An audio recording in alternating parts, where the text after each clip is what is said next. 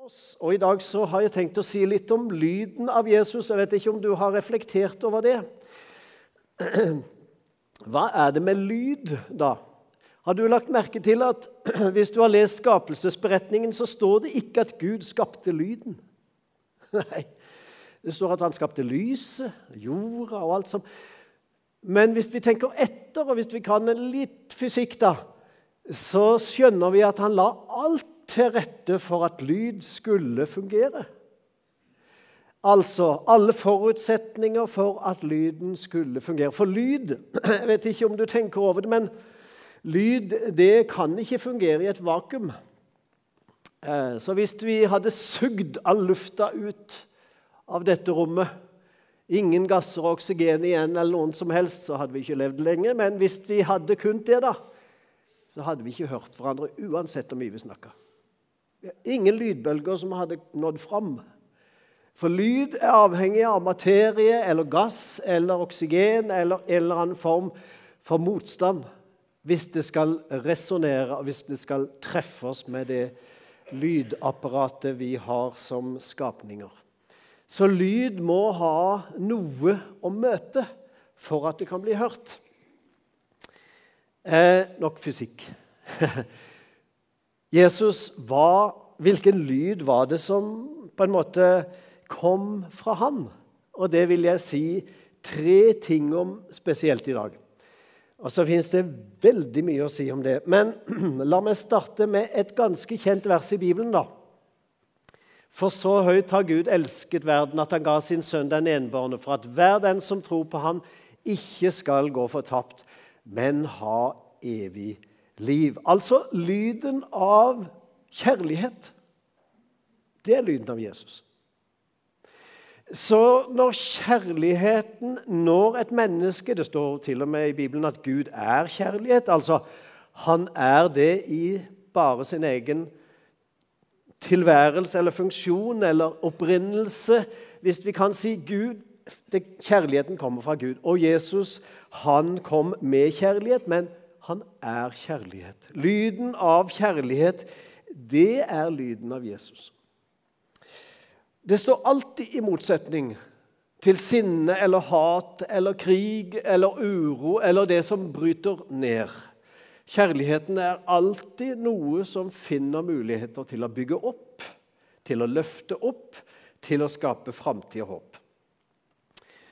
Um, når Johannes, apostelen Johannes på sine gamle dager skulle skrive brev til Efesus-menigheten, så skrev han noe om, den første kjærlighet. Han skrev at 'den står dere i ferd for å miste helt'. Dere må finne tilbake til den. Dere må ja, hva sier han? Dere må gjøre de første gjerninger på nytt. Det som, slik dere levde da dette fungerte blant dere. Det vil si, kjærligheten får alltid et eller annet praktisk uttrykk. Den får alltid et eller annet praktisk eh, følge, altså. Kjærligheten er ikke ord, først og fremst, men det er både ord og handling som står i nært forhold til hverandre. Det får alltid praktiske følger. Verdens måte å vise kjærlighet på, og nå sier jeg 'verden' i gåseøynene, så, så er det ofte en slags Gi og få. Altså en slags gjengjeldelse. Takk skal du ha. En slags gjengjeldelse som, eh, som krever noe hvis den skal gi noe. Eller hvis den skal få noe, så må den yte noe tilbake. Altså Det må være et forhold der. Og hvis det ikke er det, ja, så, eh, så fungerer det ikke, altså. Hva med Gud? Jo, han hadde ingen baktanke med kjærligheten. Han gir egentlig uten å vente å få. For slik gjorde han det helt fra begynnelsen, gjennom Jesus og helt til i dag. Og Jesus er det, hvis jeg kan bruke det på en måte ultimate uttrykk for å gi uten å få. Han ga mens vi enda var fiender, står det. Han ga seg sjøl mens ingen trodde på han. Altså i et rom der han ikke kunne vente å få noe tilbake. Der de flykta fra han, der de vendte seg mot han, og der de ga opp håpet. Der ga han alt for deg og meg, for mennesket. Så lyden av Jesus, det er den kjærlighet holdt på å si, som bare Gud kan gi. Lyden av Jesus er kjærlighet. Derfor tror jeg også diakoni, eller det å gjøre godt, det å hjelpe andre mennesker, det har alltid vært det sikreste kjennetegn på en kristen og et kristent liv. En kristen som bare har ord, da er det absolutt noe som mangler. Det vil si, da har vi en skikkelig utfordring. Vi kan ikke være ordkristne. Vi må være hele kristne, og da innbefatter det den diakonale handling. I en eller annen form, på et eller annet nivå. Og her er vi skapt forskjellig og har 100 000 muligheter. Kommende lørdag er det godhetsdag i Lyngdal. Ja, Det er bare sånn et lite drypp for å gjøre det visuelt på at vi setter det på dagsorden. Og Vi har ca. 50-60 påmeldte som skal eh, rundt og klippe hekker og male murer og rydde hager og jeg vet ikke hva. Og Jeg sitter litt i den komiteen, så det er flott å se engasjementet, også her fra menigheten, eh, i det. Men det er én dag hvor vi setter det litt på spissen. Det med diakoni, det med hjelpetjenester, det å rekke ut hender til noen, det å gi sitt hjerte til noen, det er eh, et godt tegn på lyden av kjærlighet, på Jesus nærvær.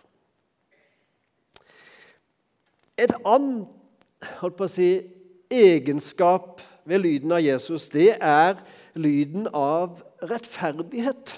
Se på denne teksten her. Det er fra bergprekenen, det vi kaller i Matteus 5. Salig er de som hungrer og tørster etter rettferdigheten, de, for de skal mettes, står det.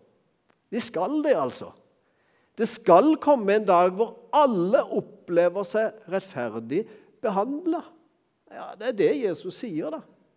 De som hungrer og tørster etter rettferdigheten, de skal mettes.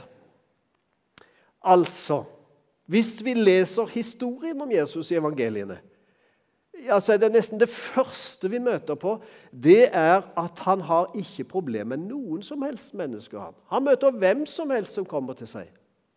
Og Spesielt så har, ser det ut som han, som han har på en måte et spesielt hjerte for de svake, de marginaliserte for å løfte de fram til et fellesskap og en tilhørighet med Guds rike. De som ikke trodde de kunne komme i nærheten av Gud. De som var liksom avskreven av eliten. De tok han fram og løfta fram og sa at det er også håp for dere. Det er også til dere evangeliet er kommet. Jeg er kommet. Altså en oppreisning for alltid. De som opplever seg urettferdig behandla. Er det noen som opplever seg urettferdig behandla i verden? Oi, oi, oi. La oss eh, slå på den første nettsida, eller la oss eh, åpne en eller annen avis eller eh, medie, så veller det fram med opplevelse av urettferdighet. Og Da er det gjerne noen som har bygd det opp i lang tid og sier nå orker jeg ikke å tie stille. Nå må jeg bare få sagt sånn har jeg blitt behandla. Og så kommer en sørgelig historie ofte og der eh, de som har forvoldt en urett, de må stå fram eller gå av eller et eller annet. Det, det fosser jo fram av sånne historier i dag. Salige er de, sier Jesus. Det vil si, jeg har tenkt å gjøre de en god gjerning og løfte de fram. De skal få oppreisning for alltid en dag. Salige er de nå, men en dag så skal de mettes med rettferd oppleve at de blir tatt på alvor, de blir respektert, de blir rettferdig behandla. Mange roper på rettferdighet i dag. Og Så skal jeg ikke gå inn på alle hjørner av det, men mange holdes nede i urett. Og Jeg har møtt en del mennesker, for så vidt i Norge, men ofte utenfor Norge, da, som blir behandla kjempevanskelig, og som holdes nede i urett, og som lider under det, virkelig lider, og som holdes utenfor det gode selskap, enten det er økonomi eller på annen måte, som ikke får arbeid pga. at de er ikke i den rette klassen, som ikke får tilhørighet pga. at de er ikke født inn i den rette familien, eller pga. at de tror på helt feil ting. Det vil si at har du en kristen tro, så blir du satt utenfor. I min tid i Afrika så opplevde vi at faktisk en del unge ble kasta ut av familien sin pga. sin tro. Hvis de hadde en, en sterk familieklan som var ikke-troende eller antitroende Det er ikke så veldig mange av de i Afrika da, der vi jobba, men det fantes noen. Og de ble holdt utenfor, altså. Og De spurte seg sjøl kan jeg overleve med det. Og så ble det gjerne et, eh, en viktig ting for eh, kirka å ta hånd om de. Og det var urettferdige systemer. F.eks. når eh, jeg ble enke. Så kom familien til mannen hennes, som nå var død, og tok alt hun hadde i huset. og Der satt hun på jordgulvet alene, uten noen ting. For det tilhørte liksom mannens familie alt i prinsippet. Møtte en dag eh, evangelisten vår på Han banka på døra så sier du, eh, jeg tror bare jeg må gi senga mi til hun naboen som sitter der på jordgulvet. Hun var 70 år gammel, hadde ingen inntekter mer. Hun så vel for seg sult og elendighet. Hun var faktisk naboen rett over gata for oss. Og Evangelisten hadde lagd en ny seng av bambus som han skulle legge sine tre barn på. For han hadde mange barn, og, og mange lå rett på gulvet. Men de så sa han får eh, de får heller ligge på gulvet litt til, mine barn, og så skal hun få bambussenga. Da kjente jeg igjen lyden av Jesus. Da opplevde jeg Jesu kjærlighet veldig konkret. Og når du møter sånne mennesker som virkelig gir Om vi gir, så merkes det kanskje så lite hvis vi ikke gir fra oss alt, holdt på å si. her. Eh, men når noen gir, så kan det merkes virkelig. Og jeg så i øynene på Albert, som han heter, og sa at det var et offer. Du, du legger ungene dine på gulvet på ei tynn matte fortsatt for at enka ved siden av, som har blitt fratatt alt, skal i hvert fall få ei seng å sove i. Og det var ei hard bambusseng, altså. Det var ikke noe luksus. Og allikevel. Mange roper på rettferdighet. Mange roper på oppreisning. Og da vil jeg si at Den som har makt i et samfunn, har et stort ansvar. Den som utøver makt, skal være seg bevisst sitt ansvar. Den som har styringsrett over andre mennesker, skal virkelig tenke gjennom det en gjør, så en behandler mennesker med respekt og med rettferdighet. Så til alle oss, da, jeg inkluderer meg sjøl, eh, som har en eller annen holdt på å si, stilling der vi har et mulighet til å styre over andre mennesker på en eller annen måte. La oss være det ansvaret bevisst. Behandle mennesker med rettferd, med respekt. Så vil du ikke få anklagen mot deg en dag. Og så vil ikke Jesus måtte ordne opp pga. at du behandler andre med urett. Det er viktig at vi hjelper hverandre og drar hverandre opp. Derfor er Jesus alltid på den svakeste side. Og hva vil det si? Jo, på den som blir undertrykt. Og han løfter de opp. En tredje ting jeg vil eh, si er lyden av Jesus, det, det er jo lyden av gode nyheter, da. Eh, la oss se på denne teksten her. Og Det var en tekst som Jesus leste helt i begynnelsen av sin tjeneste, der han var oppvokst i Nasaret og kom til synagogen, og der han begynte, så fikk han bokrull, og så begynte han å lese fra Jesaja, og det er sitat fra Jesaja som står i Lukas evangeliet. Herrens ånd er over meg, for han har salvet meg til å forkynne et godt budskap for fattige. Han har sendt meg for å rope ut at fanger skal få frihet og blinde få syn igjen, for å sette undertrykte fri og rope ut et nådens år fra Herren en fantastisk tekst. Og jeg tenkte hvilket arbeidsprogram!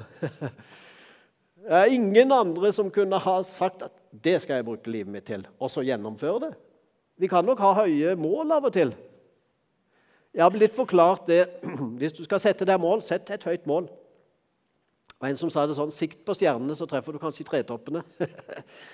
Eh, det er, vel, det er vel noe der vi er litt som mennesker, ikke sant? At vi, vi er målet høyt, altså. Så eh, OK. Vi, vi, når kanskje ikke helt opp dit, nei. Uansett hvor mye vi strever og prøver.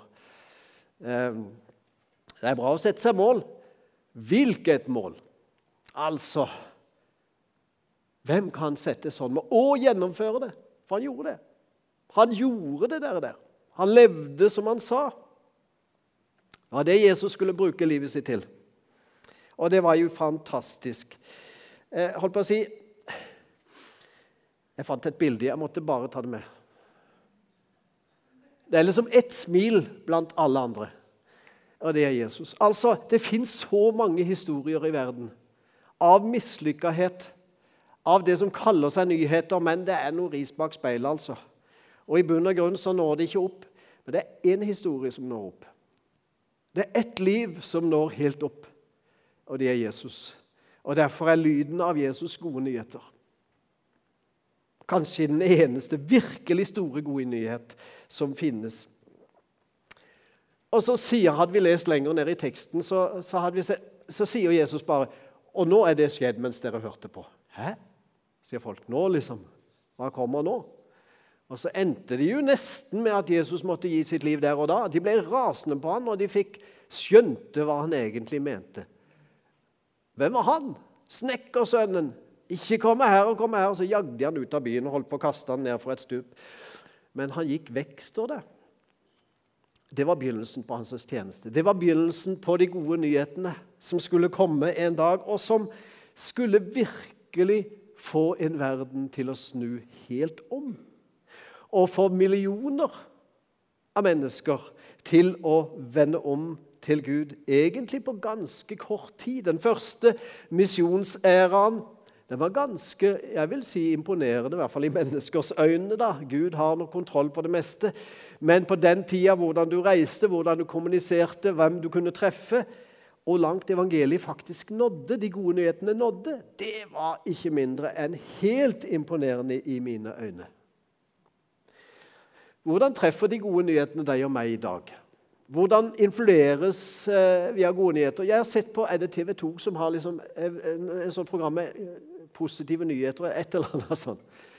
For vet du, Hvilken nyhetskanal du klikker inn på, så er det ikke mye gode nyheter. altså. Det er krig og elendighet og urett. og ja, jeg vet ikke hva. Så hvis du ikke vil lese om krig eller høre om krig, ikke se på nyheter. Men eh,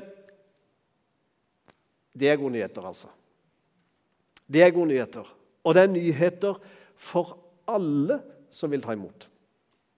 Frihet som Jesus gir. Er ikke det en god nyhet?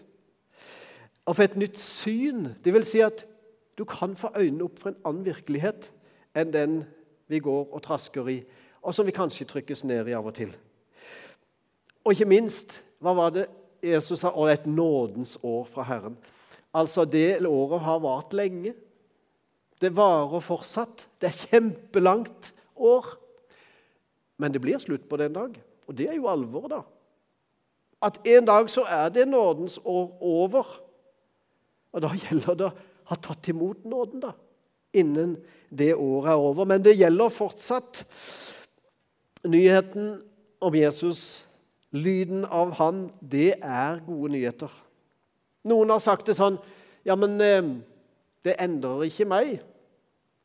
Nei, muligens ikke, men hva tenker vi på da? Jo, vi kan si at ja, men jeg er jo bare sånn. Jeg kan ikke endre livet mitt.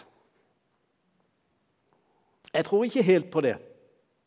Holdt på å si, Det fins mange nok tusenvis av vitnesbyrd om at mennesker kan bli forvandla, endra, snudd opp ned på av Jesus og de gode nyhetene. Og Paulus sier på en måte en eh, det er ikke sånne knips med fingrene, og så blir alt forandra. For de fleste så går det ikke sånn. Men for de fleste så begynner en ny vandring, en ny endring i en ny retning. Hvordan er det Paulus beskriver det når han, når han skriver til romerne? Han skriver 'La dere forvandle ved at sinnet fornyes'. Altså tankeverden vår må påvirkes i en eller annen form er liksom ikke bare følelsene og liksom et hjertehopp. Nei, det er også tankeverden vår, sinnet vårt. I det hele tatt vår bevissthet. Den må møtes av de gode nyhetene og formes av de og føres i en ny retning for at vi skal oppleve endring. La dere forvandle ved at sinnet fornyes. Altså ikke til hva som helst. Nei, så vi kan forstå Guds vilje, står det. Det gode. Det som er til det beste, det fullkomne. Altså, Gud har en veldig god intensjon med oss alle. En veldig god plan for oss alle. Og vil vi gå inn i det og la oss forvandle i vårt sinn, så har Han en ny vei for oss. Mot slutten av, eh, av det jeg har tenkt å si, så er det noe med og Nå kommer jeg inn på mange sanser i dag, da. Kaffe. Jeg vet ikke om du liker kaffe. Det er ganske mange som liker det. Vi ser jo at kaffe kan bli tomme her etterpå. Så det må jo være noe ved det, da. Beste kaffen jeg har smakt, er Colombia. Eh, og Han Valdez eh, Det de serverer, men vi har nok noe av Colombia i kaffen vår her òg, stort sett. Eh, og så er det noe med kaffe eller andre drikker eller mat eller noe sånt som Hvordan er ettersmaken? Noen ganger så er den fryktelig besk. Og så tenker jeg ok, det smakte godt i begynnelsen, men så ble det dårlig, altså. Det prøver jeg ikke om igjen. Jeg vil ikke ha den vonde ettersmaken. Holdt på å si, Hvordan er eh, ettersmaken etter Jesus, da? Når han har gått forbi, når han har berørt deg og meg, hvordan oppleves det? Er det beskt? Er det vondt? Er det vanskelig? Er det håpløst? Er det forkastelig? Jeg har egentlig ikke merka noen vitnesbyrd. Jeg har ingen historier fra mennesker som sier at 'det der, det var dårlig'. Det vil jeg ikke satse på, for det smakte bare dårlig. Altså, en berøring av Jesus den har ikke bare en umiddelbar funksjon eller reaksjon i oss. Den har en langtidsvirkning på oss som er god. Som er god. Jeg tok med ei varmeflaske. Det er ikke så mange av de lenger. Hadde en da jeg var liten, jeg òg. I et kaldt, lite gårdshus eh, der jeg vokste opp. Den ble kald utpå natta. Den var varm i begynnelsen, i hvert fall. Men hvordan er det med Jesus, da? Hvordan er ettersmaken etter ham? God en gang. Ja, fortsatt veldig god, altså. Ettervarmen Jeg leser ei bok for tida av Thomas Sjødin som heter 'Ettervarme'. Anbefaler den på det beste. Altså, når det berøres av eh, mennesker, eh, så hender det at eh, du får en god ettervarme. Minnene sitter der på en god måte. Andre minner er ikke så gode. Jeg vil si at ettervarmen etter Jesus er uansett god. Der du blir berørt av kjærlighet der du blir berørt av rettferdighet, der gode nyheter kommer og kommer og kommer for å nå deg med det beste. Jeg måtte lete etter et ord. Hvordan skal jeg oppsummere det jeg prøvde å si i dag, altså? Um, og så er, Det lå jo der rett for meg, da. Det må jo bare bli det. Altså summen av lyden av Jesus, eller smaken av Jesus, eller, eller varmen av Jesus, opplevelsen av han, det er velsignelse. Jeg har eh, ikke bare lært meg til å si, men jeg har lært meg til å leve med at jeg ikke kan leve uten Guds velsignelse.